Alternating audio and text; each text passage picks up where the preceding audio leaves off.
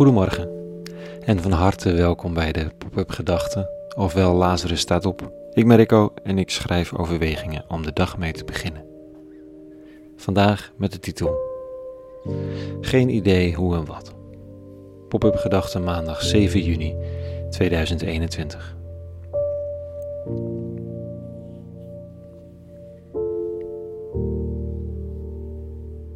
Aankomende woensdag geef ik samen met Melvin, mijn stagiair collega, voor het eerst een eigen cursus over activisme en hoe je idealen om kunt zetten in actie. En ik vraag me af vanochtend waarom ik ook alweer zo'n weerstand heb tegen het woord activisme en zoveel met mij. Je wilt niet zomaar activist genoemd worden. Sommigen hebben zich ermee verzoend dat ze dat nu eenmaal zijn, zoals ik soms. Ze hebben een manier van interpretatie van dat woord gevonden dat werkt. Maar het blijft een beetje jeuken. En misschien wel hierom. Activisme is op een bepaalde manier in ons hoofd gekoppeld aan intellectuele luiheid, aan, aan oogkleppen, aan makkelijke, schreeuwerige antwoorden en aan deugen. En dat is niet geheel onbegrijpelijk. Wie zijn punt wil maken tegen de heersende machten vanuit een positie van onmacht, moet vaak werken met soundbites en scherpe leuzen. Je hebt even de aandacht nodig.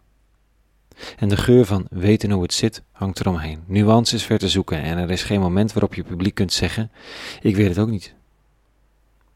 Bij de pakken neerzetten is einde verhaal. Vandaag lees ik een beroemde quote van Jezus van Nazareth. Die zegt dat juist voor de mensen die bij de pakken neer zijn gaan zitten, er hoop is. Tenminste, zo zou je het kunnen lezen. Dit staat er in de eerste strofe uit de wereldberoemde bergreden. Toen Jezus de menigte zag, ging hij de berg op en nadat hij zich had neergezet, kwamen zijn leerlingen bij hem. Hij nam het woord, of misschien staat er wel, hij haalde diep adem en onderrichtte hen al dus. Zalig de armen van geest, want aan hen behoort het rijk der hemelen. Wat zijn armen van geest? De meeste theologen verwijzen naar armoede, en dat is alleszins mogelijk. Maar het kan ook dit zijn: dat armen van geest degenen zijn die de uitdagingen van de wereld hebben gezien, het falen van de mens, het onvermogen van jezelf om te leven zonder zelf dader te worden van datgene wat je publiekelijk afkeurt. Zalig hij of zij die beseft dat de kans dat door hard genoeg werken, slim genoeg organiseren, het verkrijgen van macht of voldoende geweld, de wereld wel te redden is. Als we nu met dit of dat. De mensen die dat denken zijn de rijken van geest. Die verzinnen wel een manier, door roeien en ruiten, maar zij zullen het fixen.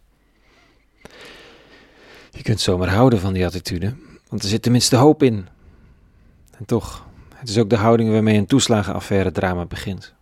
Want hé, hey, er waren mensen die misbruik maakten van een goede regeling. Bulgaren in dit geval, die hier naartoe kwamen, toeslagen opstreken en weer vertrokken. Dat zouden we keihard aanpakken, dicht timmeren dat lek en op verschrikkelijke wijze werden mensen de dupe.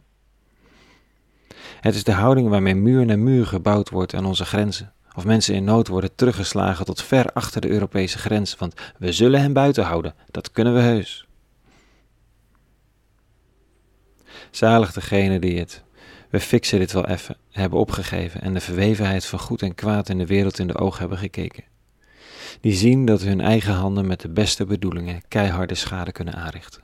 Met hen wil ik op pad, zegt Jezus van Nazareth. Hen vertrouw ik.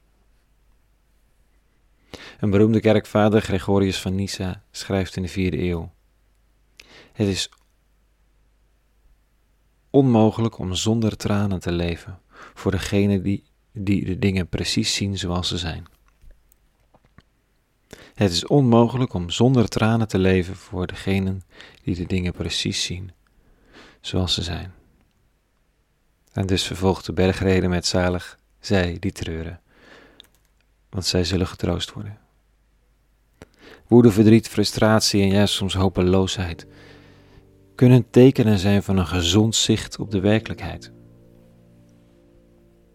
Het is het begin van een leven dat heeft geleerd het op te geven om weer een nieuwe truc, een nieuwe binnenbocht, een nieuw politiek programma in te richten. Wie het einde van die lijn heeft bereikt, heeft misschien genoeg open handen om domweg vandaag de dag lief te hebben en morgen weer. Om helend aanwezig te zijn in de wereld zonder grote strategieën. Het is de weg van de man van Nazareth. Dat is zijn activisme, die mogelijk er soms uitziet als hopeloosheid, omdat het in zoveel vormen en wegen en strategieën niet meer gelooft. Zalig de armen van geest, want geen idee meer hebben hoe en wat is paradoxaal genoeg de weg om te gaan.